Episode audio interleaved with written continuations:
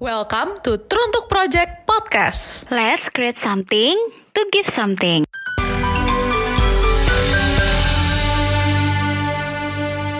Halo teman-teman teruntuk semua, selamat pagi atau siang atau sore atau malam buat yang lagi dengerin podcast kali ini ya. Kenalin, nama gue Ruben Daniel yang bakalan jadi host untuk episode kali ini. Nah, juga ditemenin oleh salah satu narasumber kita, teman-teman. Dia aktif di bidang pendidikan sebagai relawan pengajar. Boleh nih perkenalannya, Kameli? Halo Ruben dan teman-teman teruntuk. Halo. Selamat pagi, siang, sore ya. Yap. Buat teman-teman teruntuk yang dengerin. Kenalin nama aku Meli Fitriani, biasanya dipanggil Meli. Kemudian asalnya dari Brebes. Oh, asal dari Brebes ya. Ya, Halo, Kak Meli. Eh, lagi sibuk apa nih selama menjalani hari-hari Kak Meli? eh, kesibukan aku jadi mahasiswa akhir di Ilmu Komunikasi Universitas Jenderal Sudirman Purwokerto. Kemudian juga kerja part time jadi tutor privat juga. Wow, Gitu. Kerja part-time dan juga sedang ini berarti kalau mahasiswa akhir berkaitan skripsi ya? Yap, benar. Skripsi dengan tugas Skripsi. akhir. Oke, teman-teman teruntuk, mari kita doakan supaya Kameli eh, la- dilancarkan dan juga diberi kemudahan dalam skripsinya ya, teman-teman semua. Amin, Amin. amin. Dan eh, segera lulus juga ya, mudah-mudahan. Amin, itu yang terpenting ya. Udah mulai rasa penat-penat ke kampus tuh udah mulai kerasa nih dari Kameli ini. By the way, Kameli, aku kenapa-napa? Eh, tapi kan karena online ya, jadi udah jarang sih ke kampus. Paling Oh. kalau kayak bimbingan gitu-gitu aja. Oh iya iya sih. Aku juga udah sebagai mahasiswa online ya. Angkatan corona juga memang jarak ke kampus. By the way, Kameli eh, udah mu- berapa tahun atau jangka waktu selama Kameli jadi pengajar nih? Udah berapa lama? Hmm, dari aku semester 3 itu berarti tahun 2018 ya? Ya. Ya, dari 2018 dari 2018 sampai sekarang 2021 berarti sekitar tiga tahunan. Oh, udah tiga tahun. Berarti udah cukup ya lumayan lama ya jadi relawan pengajar ya. Nah, Ya, lumayan lah segitu mah. apa sih aku pengen tahu nih apa sih eh, sesuatu yang nge-trigger atau mendorong Kak Meli nih supaya mau gitu aktif menjadi seorang pengajar di dunia pendidikan. Oke, eh, mungkin mm, awalnya tuh pas tahun pertama kuliah ya. Hmm. Jadi aku tuh kayak ngerasa kok kegiatan kuliah aku gini-gini aja gitu. Cuma belajar, eh, ibaratnya kuliah lah, belajar terus organisasi gitu. Kayak ada sesuatu yang kurang karena menurut aku belajar sama organisasi itu ya eh, berkaitan ataupun bermanfaat untuk aku doang gitu. Oh ya. Heeh. Dari situ tuh aku mikir kayak kayaknya kuliah ini aku harus harus eh, mulai melakukan bukan perubahan ya itu terlalu ke saya terlalu besar intinya tuh kayak kayak pas dulu tuh aku kayak ngerasa mesti melakukan sesuatu untuk orang lain gitu Mm-mm. bahasanya tuh mungkin memberikan manfaat, Manfaat, gitu yep. ke orang lain gitu sesuai dengan kemampuan yang aku bisa gitu. Terus karena waktu itu aku ngerasa tertarik untuk eh, mengajar, terus Hmm. juga eh, ketemu sama cutting yang emang aktif juga jadi relawan mengajar, jadinya mulailah jadi relawan mengajar gitu di suatu yayasan gitu. Oh, berarti eh, hal yang mendorong Kak Meli ini emang dari diri sendiri ya. Eh, pengen membawakan manfaat ke orang lain dan juga bisa dibilang Kak Meli belum cukup puas sih dengan pengalaman organisasi yang ada di sekitaran kampus aja ya, pengen ke luar dari zona itu. Ya, benar, benar banget. Eh, menurut aku, or- apa sih kayak organisasi kan cuma di lingkungan kampus doang gitu. Yap. Dan mungkin akan menjadi manfaat ya cuma di lingkungan kampus doang gitu. Hmm. Terus eh, padahal kan dunia itu luas ya. Ya. Jadi menurut aku akan lebih baik ketika akan lebih baik menurut aku dan akan lebih bagus menurut aku ketika aku bisa bermanfaat, bisa aktif di lingkung, di lingkungan di luar kampus. Oh, berarti itu emang satu hal yang mendorong dan juga bisa menjadi apa? Fondasi ya untuk Kak Meli ini menjalani kegiatan relawan kakak. Ya. Oke, itu oh it- oh iya sih itu benar-benar insightful sih menurut aku. Kita harus mencari sesuatu yang bikin kita senang dan juga itu bisa menjadi fondasi kita nanti ke depannya. Ya, benar. Harus Nah. bisa mencari sesuatu yang bikin kita senang. Nah, itu itu dia, itu dia. Teman-teman teruntuk harus dicatat tuh baik-baik. Lanjutnya Kakak kan udah menjadi pengajar ya, relawan pengajar. Apa nih yang paling berkesan dari Kak Meli? Mungkin dari sistem pembelajarannya atau ciri khas siswa-siswanya. Ah, sebelum kita masuk ke pertanyaan itu, aku mau tahu. Kak Meli ngajarnya apa aja tuh? Oke, eh sebenarnya kan aku aktif jadi relawan itu dari tahun ke tahun tuh kayak beda-beda loh. Hmm, Jadi contoh? pas tahun pertama tuh eh sebenarnya itu hampir dua tahun sih. Dua tahun itu aku di suatu yayasan dari Oke. tahun dari semester 3 berarti tahun 2018 sama sampai sebelum pandemi itu di suatu yayasan gitu waktu aku aktif eh, ngajarnya. Di situ aku ngajar SD, SMP, SMA sama ibu-ibu juga. Mm-mm. Ya, tapi ketika pandemi baru aku aktif ngajarnya tuh secara online sama di panti asuhan. Oh, Itu sih.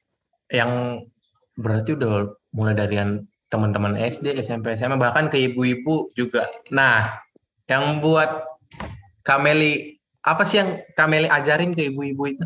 Apa cara masak atau cara nyapu atau?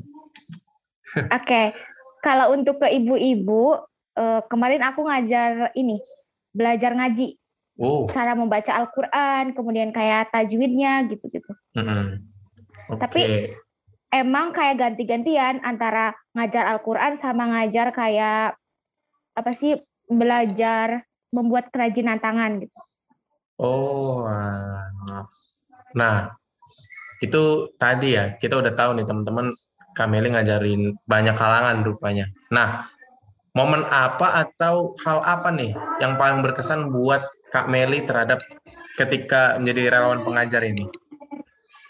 Oke, eh, yang paling aku berkes, yang paling berkesan menurut aku dan yang paling aku inget ya sampai sekarang, Hmm, ketika aku ngajarin ibu-ibu tuh ngaji. Jadi eh, ibu-ibu kan otomatis usianya lebih eh, Tua. tua daripada aku gitu ya.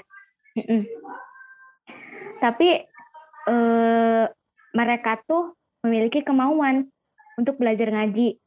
Jadi Hmm. sebenarnya dari situ juga aku kayak ngambil suatu pelajaran bahwa eh, ketika meskipun kayak meskipun usia kita udah udah tua gitu, eh, jangan berhenti untuk belajar gitu, belajar tentang apa pun, apalagi ini tentang Al-Quran gitu. Kalau di agama aku kan eh, membaca Al-Quran kan kayak dapat pahala gitu. Iya. Terus eh, aku tuh kayak ngerasa puas dan bahagia ngelihat ibu-ibu tadi semangat, antusias buat belajar ngaji bareng aku, di mana aku tuh kan kayak anaknya gitu ya, Mm-mm, betul betul. kayak anaknya gitu. Tapi mereka tetap menghargai aku, eh, Oh. ngedengerin aku pas aku ngajarin ngaji ke ibu-ibu tadi gitu. Itu sih yang yang paling aku inget gitu. ada ini enggak eh, apa ya semacam deep talk mungkin antara Kameli dengan ibu-ibu tersebut tentang entah Kameli dikasih nasihat atau apa itu ada nggak Kameli sempat terjadi nggak? eh oh iya, ini eh karena kamu nanyain gitu, aku jadi inget eh aku tuh ngajarin ibu-ibu ngaji, tapi umurnya tuh itu malah kayak nenek gitu ke aku, Oh ya, karena usianya udah tua banget. Tapi eh menurut aku, masya Allah sih, maksudnya dia tuh tetap semangat belajar ngaji. Hmm. Itu padahal eh, dia kerja juga dari pagi nyampe siang dan kan posisinya tuh ngajarnya itu jam sem jam sembilanan gitu. Tapi karena kerja juga eh, beliau tuh telat datang ke tempat aku ngajar Oke. gitu. Tapi tapi tapi dia tetap tetap semangat, tetap ayo eh, ini eh, apa Mbah pengen ngaji gitu. Sebenarnya kalau untuk deep talk nggak ada, cuma aku ngelihat ibu-ibu tadi, mbah-mbah tadi tuh kayak kayak apa ya, kayak ih keren ya gitu. Ada orang yang yang usianya udah tua, kemudian juga kerja juga, Hmm. tapi tetap mau tetap mau belajar gitu. Terus sama orang yang lebih muda dari dia juga tetap mau gitu, tetap menghargai gitu sih. Oke, itu walaupun di umurnya yang udah bilang tua ya, tapi semangat dan juga kemauannya tetap tinggi ya Kameli ya, ibu-ibu tersebut. Patut diacungi jempol sih. Itu teman-teman teruntuk sangat cocok untuk ditiru tuh eh, sifat-sifat yang seperti itu. Apalagi teman-teman teruntuk bisa dibilang yang benar-benar teruntuk ini masih muda ya kan Kameli ya. Iya, Masih benar. harus semangat, kobarkan api semangat buat teman-teman semua. Iya, untuk semangat untuk terus belajar tentang apa pun ya, nggak harus Hmm. tentang Al-Quran, tapi tentang banyak hal gitu. Mungkin Iya. juga belajar tentang di kuliahnya gitu, ataupun mungkin belajar tentang skill yang lain gitu. Iya, ya. Karena hidup ini adalah pembelajaran ya. Kita semakin bertambah umur ya kita semakin belajar banyak hal, teman-teman. Ya, benar. Nah, itu tadi mulai dari ibu-ibu ataupun teman-teman SD, SMP dan SMA yang diajar Kameli emang menjadi ada momen-momen tersendirinya ya Kameli ya ibu-ibu tersebut punya kemauan belajar walaupun di saat-saat tertentu dia cukup telat ya walaupun itu datangannya dia ya. Iya, Tapi Bahkan masih iya, bahkan posisinya kita tuh sebenarnya udah harus pulang gitu. oh Eh, Waktunya udah selesai gitu. Cuma karena ada mbah-mbah tadi, terus juga ngelihat antusiasme mbah-mbah buat belajar Al-Quran, Hmm. jadi kita oke nggak apa-apa. Kita juga jadi ikutan semangat gitu, buat ngajarinya. Oh. Bahkan itu bisa menjadi bensin untuk membakar semangat Kameli eh, untuk berkecimpung di dunia ini ya, relawan ya, mengajar. Ya, ya benar Oke. banget. Wah, itu benar sih. Semakin apa ya, bisa dibilang semakin kuat lah fondasi dari Kameli di dunia pengajaran ini, teman-teman. Nah, eh, Kameli kan udah tiga tahun nih meng, apa, membantu ya teman-teman kita eh, persempit dulu ke teman-teman SD, SMP, dan SMA. Mm-mm. Itu kan mereka masih punya sistem pendidikan yang diatur oleh Kemendikbud ya, berbeda dengan eh, ibu-ibu tadi yang belajar Al-Quran. Nah, Kak Meli ini ngebantuin ha- dalam hal apa nih di teman-teman SD, SMP, dan SMA tadi? Eh, untuk di adik-adik SD, SD, SMP, SMA, aku tuh ngajarinya eh, kalau untuk di yang bareng yayasan, aku ngebantuin ngerjain PR biasanya. Hmm. Iya. Terus kalau untuk kemarin di panti asuhan itu ada kayak udah ditentuin kurikulum dari komunitas penyelenggaranya. Oh, Iya, kurikulumnya udah ada, materinya udah ada. Cuma emang disesuaikan dengan kurikulum dari adik-adik SMA yang di panti asuhan tadi. oke. Nah, berarti Kak Meli udah ngerasain kurikulum yang dimodifikasi dari yayasan dan juga pernah merasakan tentunya ya kita bersama-sama kurikulum oleh kemen, apa, kementerian kita. Nah, secara pengalaman nih Kak Meli udah ngajarin dan juga udah pernah belajar ya di masa SMA SMP sebelumnya. Gimana pandangan Kak Meli ke kurikulum-kurikulum tersebut? Ada perbedaan yang signifikan nggak antar Kemendikbud dan juga kurikulum yang dimodifikasi ini? Kurikulum yang dimodifak eh kurikulum di yayasan tadi. Yang udah dibikin Oh. sendiri itu. Oke, mungkin eh aku sedikit perjelas dulu ya. Oke. Jadi kalau untuk di, di, di yayasan tuh nggak ada aturan ataupun kurikulum yang yang mesti dipatuhi gitu nggak ada. Hmm. Soalnya itu kan tergantung ke murid-muridnya. murid-muridnya mau diajarin apa ataupun murid-muridnya punya PR apa, baru aku bisa baru baru aku bantu gitu, oh. baru aku ajarin. Oh. Ataupun juga biasanya dari aku sendiri yang menentukan materinya apa yang mau disampaikan. Hmm, oke. Okay. Ya. E, namun ketika di panti asuhan, jadi pan, di panti asuhan itu aku e, ada suatu komunitas yang ngadain ngajar di panti asuhan dan aku join jadi relawannya. Jadi komunitas itu ngebuat kurikulum sendiri gitu dan aku mesti mengikuti kurikulum dari komunitas itu hmm. gitu nah itu berbeda banget nggak sama pendidikan Indonesia yang di, yang tadi kurikulum dari komunitas tersebut oke okay. uh, eh, kalau di tadi pas ngajar di panti asuhan yang pakai kurikulum dari komunitas itu karena waktu ngajarnya yang singkat ya cuma dua bulan apa tiga bulan gitu aku lupa. Dan itu ngajarnya juga dua minggu sekali. Kemudian aku juga ngajarnya cuma eh, kelas 10 aja. Dan pelajaran bahasa aja bahasa Indonesia dan bahasa Inggris. Menurut aku eh, gak jauh beda untuk materinya ya hmm. untuk materinya nggak jauh beda karena dulu pun pas aku SMA aku pernah belajar tentang itu seperti itu dari yang aku alami pas dulu di panti asuhan. Oke, nah eh, ketika aku sedikit penasaran nih, Kak Meli, gimana sih cara mengajar yang cara mengajar Kak Meli ketika di komunitas tadi yang selama tiga bulan itu? Apakah oh, diajak bercanda-canda dulu awalnya sebelum kelas atau pas masuk kelas sudah langsung belajar buku baca gitu? Apa gimana nih?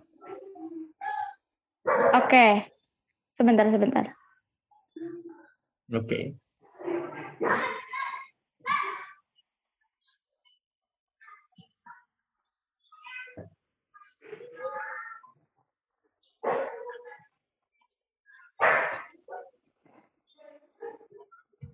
Gimana okay. Amel, cara mengajarnya nih? Aku penasaran. Oke. Okay. Hmm, untuk cara mengajar ya?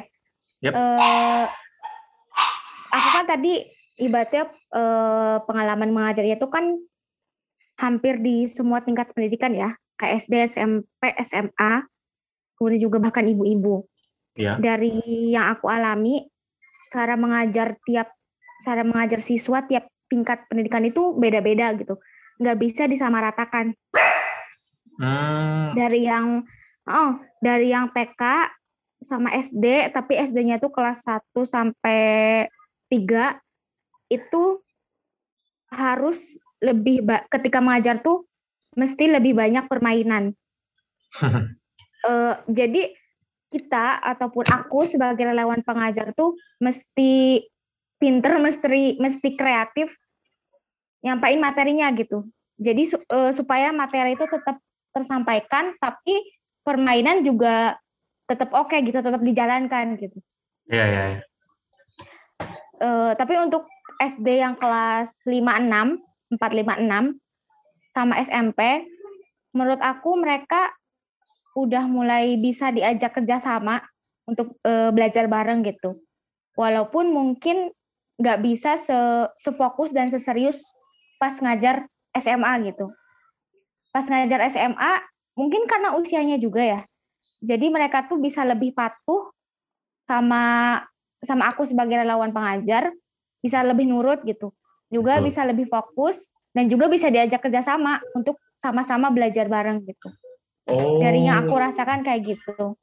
Tapi e, menurut aku yang paling penting itu e, nyaman sih. Jadi e, aku mesti jadi diri sendiri pas ngajar hmm. adik-adik mau ETK, mau SD, SMP ataupun SMA mesti jadi diri sendiri biar apa biar aku juga nyaman pas ngajar adik-adik terus adik-adik juga merasakan kenyamanan yang aku rasakan gitu oke okay. uh, jadi jangan jangan membuat topeng pas ngajar adik-adik tuh gitu. biar sama-sama nyaman adik-adik hmm. juga bisa mengeluarkan sisinya mereka gitu sisi aslinya mereka mereka jadi enggak enggak membuat topeng juga gitu karena sama-sama nyaman aku nyaman pas ja- ngajar adik-adik terus adik-adik juga nyaman belajar sama aku gitu sih yang paling penting Nah, aku kepikiran sesuatu. Mumpung, nah, Kak Meli kan ngajarin TK sampai kelas 3 SD dengan permainan ya.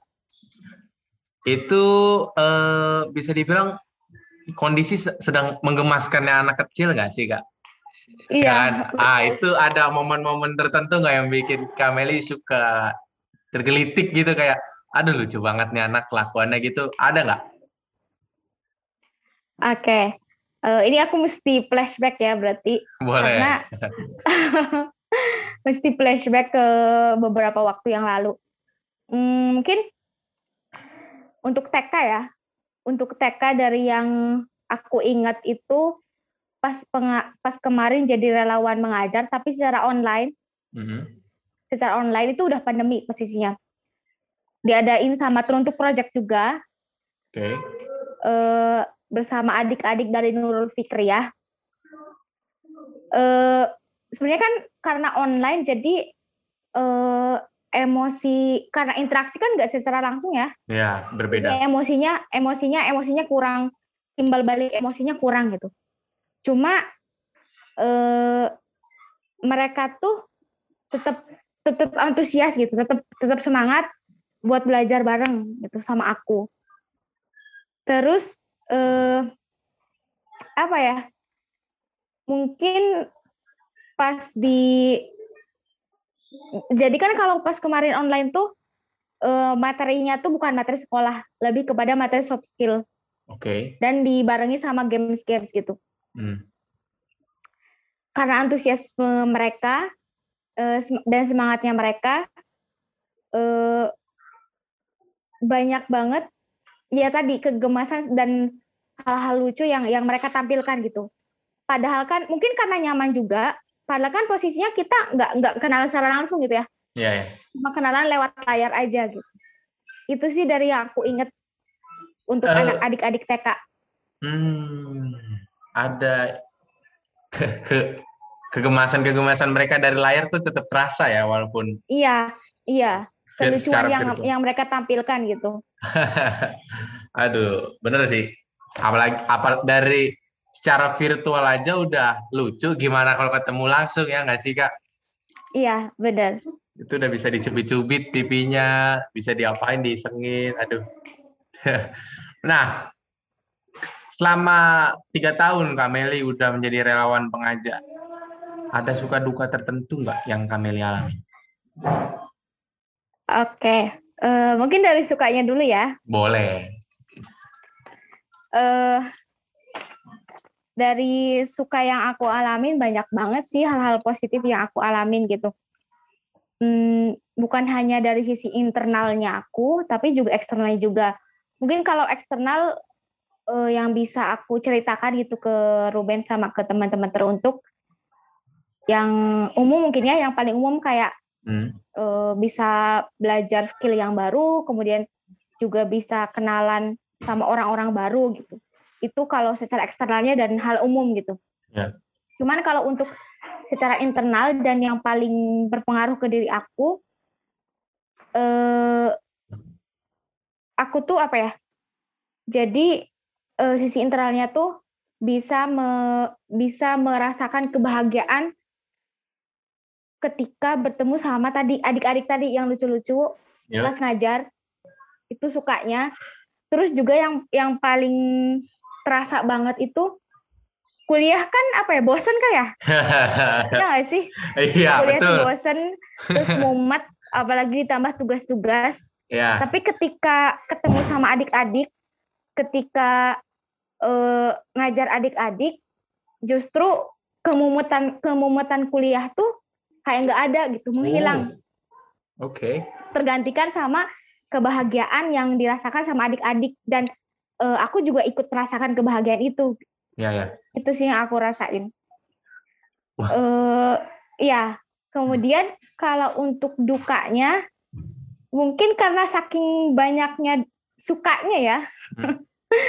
hal-hal yang positifnya. Jadi eh duka yang menurut aku sangat sedikit udah ketutup sama banyaknya hal-hal suka yang aku rasain. Oke. Bahkan ketika Kame, Kameli menjadikan uh, relawan ini kesenangan ya. Jadi suka dan juga malah jatuh cinta sama hal-hal relawan ketemu sama adik-adik uh, yang sedang sekolah ataupun mengajarkan ibu-ibu tadinya ya. Wah, boleh ya. banget. Kejenuhan di kuliah benar teman-teman. Kejenuhan di kuliah lalu kita larikan ke relawan pengajar itu hilang ya kejenuhan semuanya langsung masalah terasa hilang. Benar banget. Iya, langsung langsung hilang. Langsung terlupa gitu sejenak walaupun ketika kegiatan relawan udah selesai ya pasti keinget lagi. Iya betul. Kembali lagi tuh tugas-tugasnya, praktikum segala macam. Nah, eh, Kameli kan udah sempat mengajar sebelum pandemi juga ya? Ya, benar.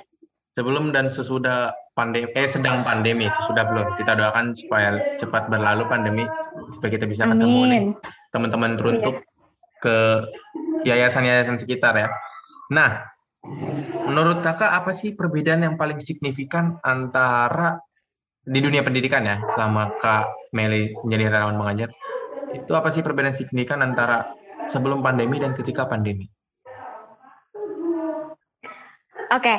uh, eh, mungkin dari ke, uh, sebelum pandemi dan ketika pandemi. Jadi kan uh, dari yang aku lihat ya, dari sisi siswanya, oke, okay. uh, mungkin eh apa sih? Sebelum pandemi dari yang aku lihat dari sisi siswanya ngelihat adik-adik uh, aku yang SD, SMP, SMA yang sekolah online gitu ya, yang kelas online. Aku ngelihatnya tuh semangat belajar mereka yang berkurang gitu. Oh. Karena mungkin online dan nggak ngelihat langsung gurunya gitu. Jadi kayak e, bahasanya apa ya? Kayak ya udah yang penting hadir gitu. Mungkin kayak kayak mahasiswa online juga. Ah, aduh. mahasiswa online Betul. juga yang penting hadir gitu, yang penting mhm. absen. Jadi yep. semangat belajarnya kurang. Ditambahkan dengan teknologi yang makin maju, anak-anak SD zaman sekarang kan kayak umur berapa tahun aja udah punya HP gitu. Ya, Berbeda dengan aku di zaman dulu gitu, ya. Semangat belajarnya jadi kurang. Karena kan di rumah juga nggak hmm. nggak ketemu langsung sama gurunya, gitu. Terus eh, dari aku lihat dari adik-adik juga karena pandemi ini yang menyebabkan kelas online, jadi tingkat pemahaman terhadap pelajaran tuh berkurang. Hmm, terhadap aku kayak ya? gitu. Iya, terhadap materinya berkurang karena mungkin tadi kondisinya nggak ketemu langsung sama gurunya jadi emosinya juga juga kurang gitu dengan gurunya kalau misal ketemu langsung kan guru juga bisa bisa ngelihat kan ekspresi murid-murid nah. ini kira-kira paham atau enggak gitu betul dari situ uh, kemudian dari sisi pengajarnya karena aku juga kemarin kan pernah juga kan uh, jadi relawan ngajar secara online hmm. karena ada sekat layar tadi, sekat layar. Jadi interaksinya interaksi dilakukan tapi kurang. Jadi eh, emosinya tuh masih kurang kerasa gitu. Emosi satu sama lain. Kalau eh, dari pengalaman aku pas ngajar online gitu. Emosi aku eh, ke murid-murid maupun sebaliknya gitu. Dari aku rasakan kayak gitu pas uh, mengajar online kemarin. Oke. Okay. Gitu sih. Perbedaannya sebenarnya dampaknya cukup berat ya bisa dibilang ya, cukup berdampak banget ketika sebelum dan ketika pandemi. Karena ya karena betul kata Kak Meli tadi yang Kakak bilang kalau zaman sekarang tuh ketika udah ada sekat layar kita nggak memperhatikan secara benar, nggak bisa memahami yeah. materi secara benar, di mana ada apa ya banyak banget distraksi sih seperti media sosial kan Instagram, WhatsApp atau TikTok nih yang lagi booming booming kali ini. Jadinya anak SD pun yang bisa kita lihat secara langsung di dunia nyata juga udah punya handphone rata itu bisa mengakses bukan mengakses pelajaran jadinya ataupun sesuatu yang bermanfaat malah jadi hal-hal yang bisa dibilang nggak bermanfaat ya Kameli ya. Iya benar. Jadinya ya itu semakin menurunkan semangat mereka untuk belajar dan semakin menurunkan tingkat pemahaman mereka terhadap pelajaran juga gitu. Betul. Padahal eh, selama kita sekolah itu nggak selalu tentang materi pelajaran nggak sih Kameli? Ada soft skill soft skill lain dan juga ada pelajaran-pelajaran lain yang lebih penting. Contohnya kedisiplinan atau fokus, melatih fokus ya. Dan juga melatih kita supaya lebih keras. Di mana kalau Kameli ingat di zaman dulu waktu SMA tuh Kameli udah merasakan full day school belum? Setengah tujuh pagi udah masuk, jam pulangnya jam tiga sore. Ya. Wah. eh iya dong. Kan berarti pas aku SMA tuh tahun berapa ya? Aku lulus kan tahun 2017, berarti tahun 2000 16, 15, 14. ya tahun Tahun-tahun segitu lah ya. SMA-nya. Tahun Iya, segitu iya. tuh emang kuliah itu ya masih kayak sekolah dari Senin sampai Sabtu, kemudian dari pagi jam 7 nyampe jam 3 gitu. Itu tuh masih masih berlaku gitu. Iya. Dan kita nggak selalu melulu tentang akademis ya nggak sih Kameli? Iya, nggak sel- nggak nggak nggak fokus ke akademis aja pas dulu tuh. Ada soft skill lain misalnya SMA kayak cara memimpin suatu organisasi, ikut ikutan OSIS ya. Dan juga ekskul ekskul lain, cara kita membagi waktu antara sekolah dan juga ekskul, cara kita fokus ke guru, mendengarkan, itu sangat dibutuhkan nanti ketika dunia perkuliahan bahkan ke dunia kerja seperti Kamel yang lakukan sekarang ya. Iya, benar banget. Eh mungkin ini juga apa ya? Bisa jadi sedikit apa ya? Mungkin pesan apa ya buat teman-teman teruntuk juga Mhm. eh soft skill kayak eh se- ketika kita sekarang misal adik adik-adik ataupun teman teruntuk masih sekolah, masih SMA eh jangan jangan hanya fokus ke akademis aja gitu. Betul. Jadi eh, usahain paling enggak ikut satu eskul gitu. Karena di eskul tuh be- tadi banyak banget pelajaran soft skill yang yang yang kita tuh bisa belajar di sana gitu. Bukan diajarin ya, tapi kita Mm. merasakannya langsung gitu. Betul. Kita belajar langsung soft skillnya dan tanpa tanpa terasa ataupun tanpa tanpa kita ketahui secara langsung nantinya tuh ketika kuliah ataupun kerja ataupun aktif di relawan tuh kepake Betul. soalnya itu juga dari pengalaman aku tuh kayak gitu di SMA kebetulan aktif beberapa eskul gitu kayak osis pramuka padus juga Hmm.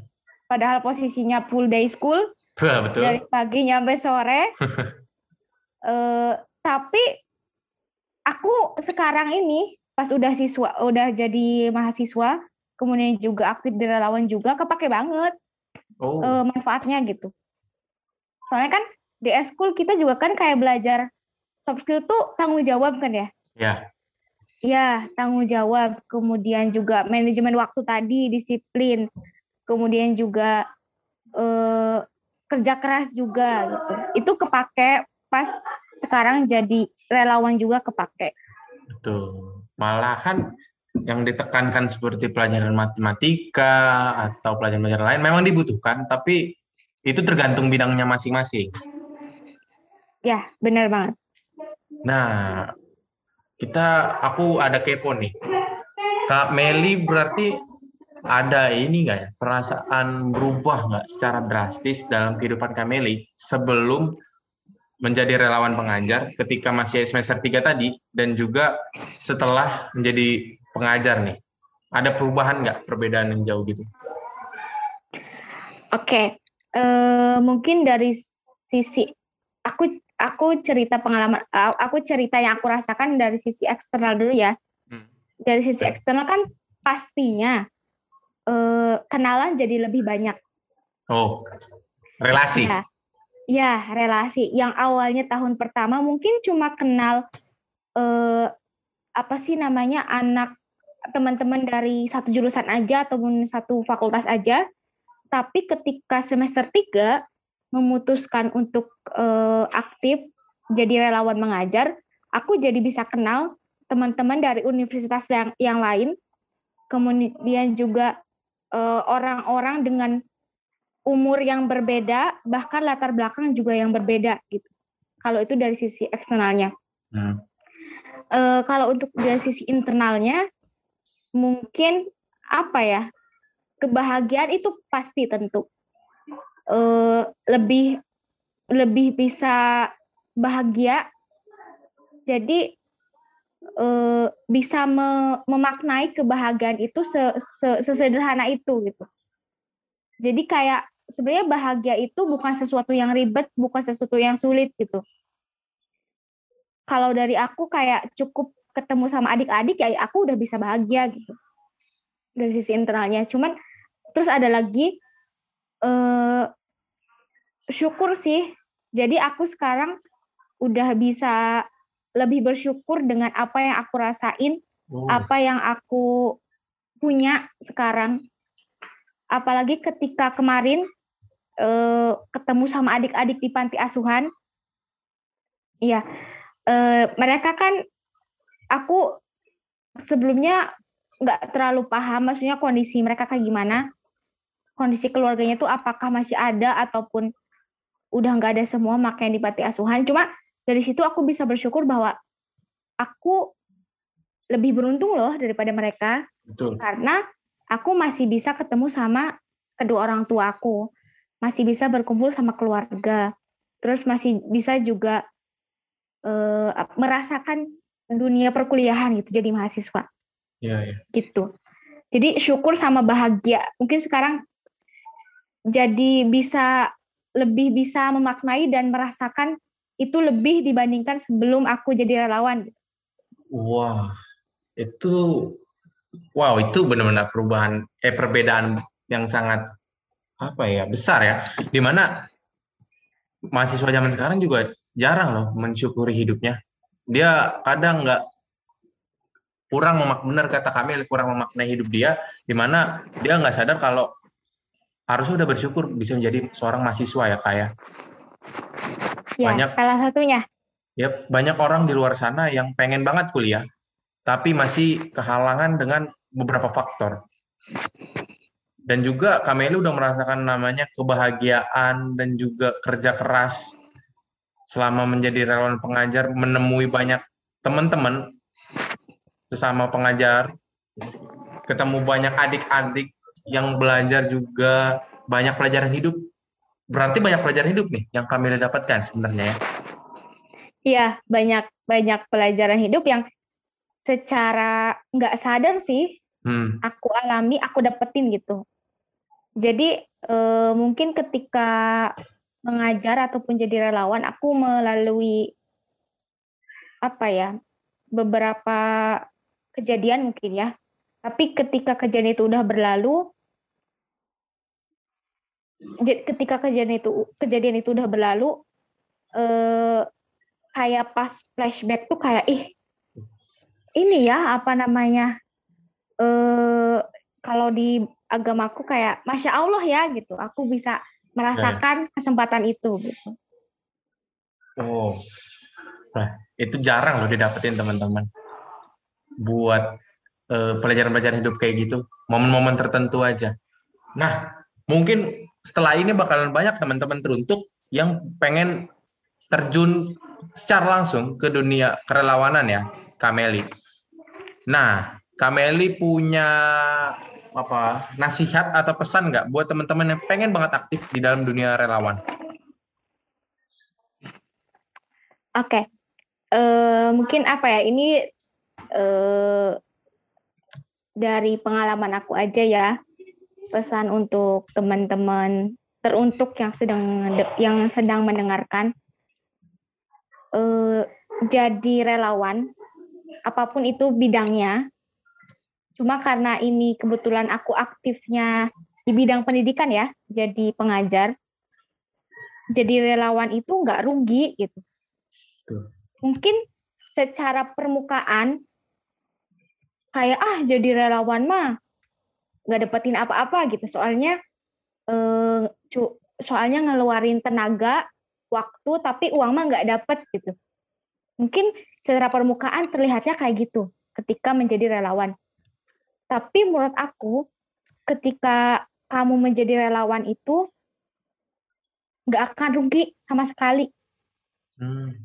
Justru banyak banget eh, hal-hal menguntungkan ya, kalau bahasanya rugi dan untung gitu.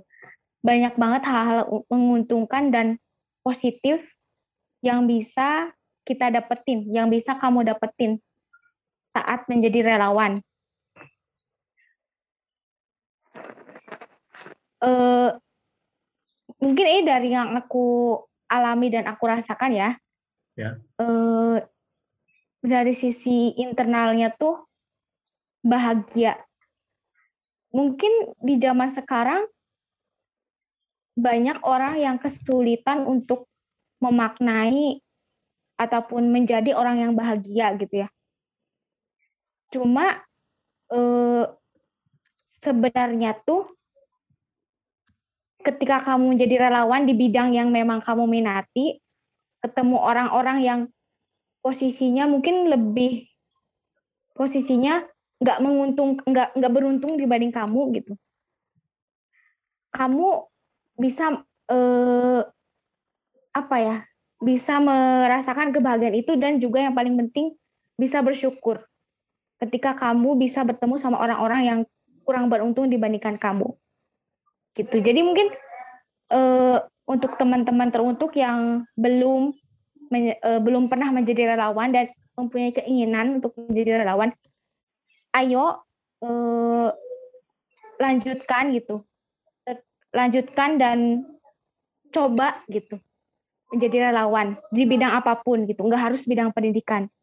Yang penting di bidang yang kamu sukai di bidang yang kamu sukai. Okay. Uh, dan rasakan rasakan sendiri gitu. Rasakan sendiri manfaat apa, apa ataupun uh, perasaan apa yang yang kamu rasakan ketika menjadi relawan gitu. Mungkin akan lebih akan lebih banyak ataupun akan lebih terasa dari yang aku ceritain gitu. Yang aku ceritain sekarang. Iya. Yeah. Iya. Dan mungkin kalau untuk teman-teman yang sudah ataupun masih menjadi relawan tuh tetap semangat jadi relawan, jangan berhenti. Eh, kalau di agama aku tuh ada satu hadis, jadi kayak sebaik-baik manusia adalah manusia yang memberikan kebermanfaatan untuk orang lain gitu.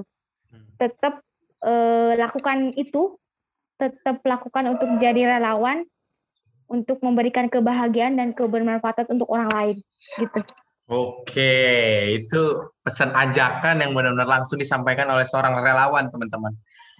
Kita, wah udah nggak terasa kak, kita udah ngobrolin banyak banget nih, mulai dari eh, hal apa yang nge-trigger Kak Meli buat jadi seorang pengajar relawan ya.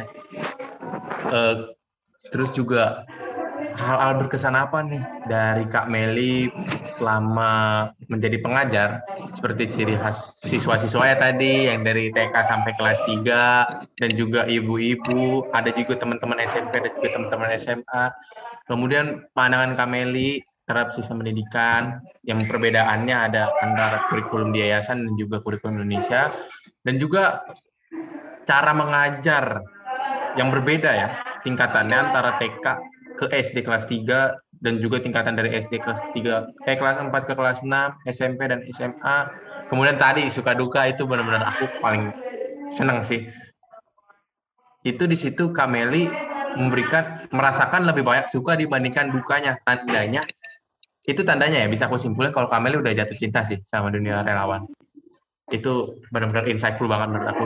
Kemudian pandangan Kak Meli nih selama sebelum atau ketika pandemi udah lumayan berbeda ya di dunia pendidikan ini mulai dari teman-teman yang udah di eh, adik-adik yang udah diajarin oleh Kameli belajarnya bagaimana perbedaan ketika online dan offline di mana eh, siswa-siswa sekarang ketika online lebih banyak terdistraksi oleh hal-hal yang nggak penting ya Kameli.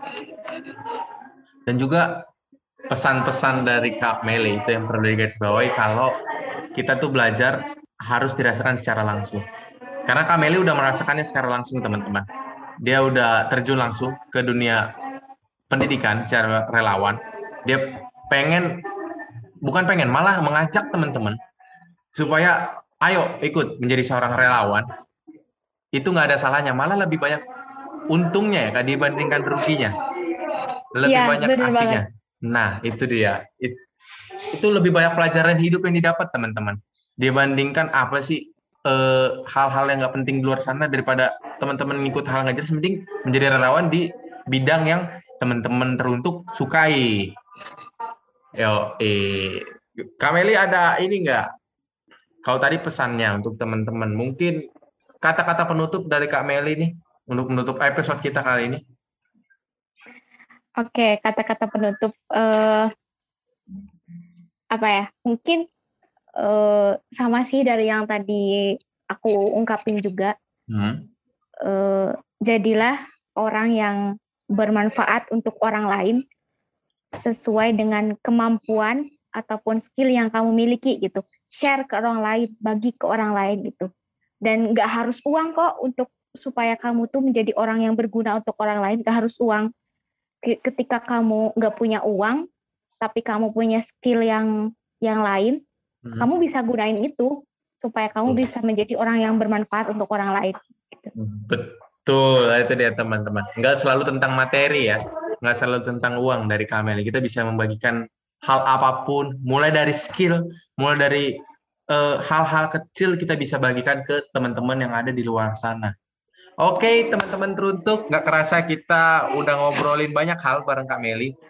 Sekarang saatnya selesai, tapi tetap stay tune aja di podcast kita karena bakal ada episode-episode yang menarik lainnya. Kalau begitu, aku Ruben dari Teruntuk Project dan Kak Meli sebagai host, eh bukan, narasumber kita, bakalan pamit undur diri. Thank you semuanya. Dadah. Thank you semuanya.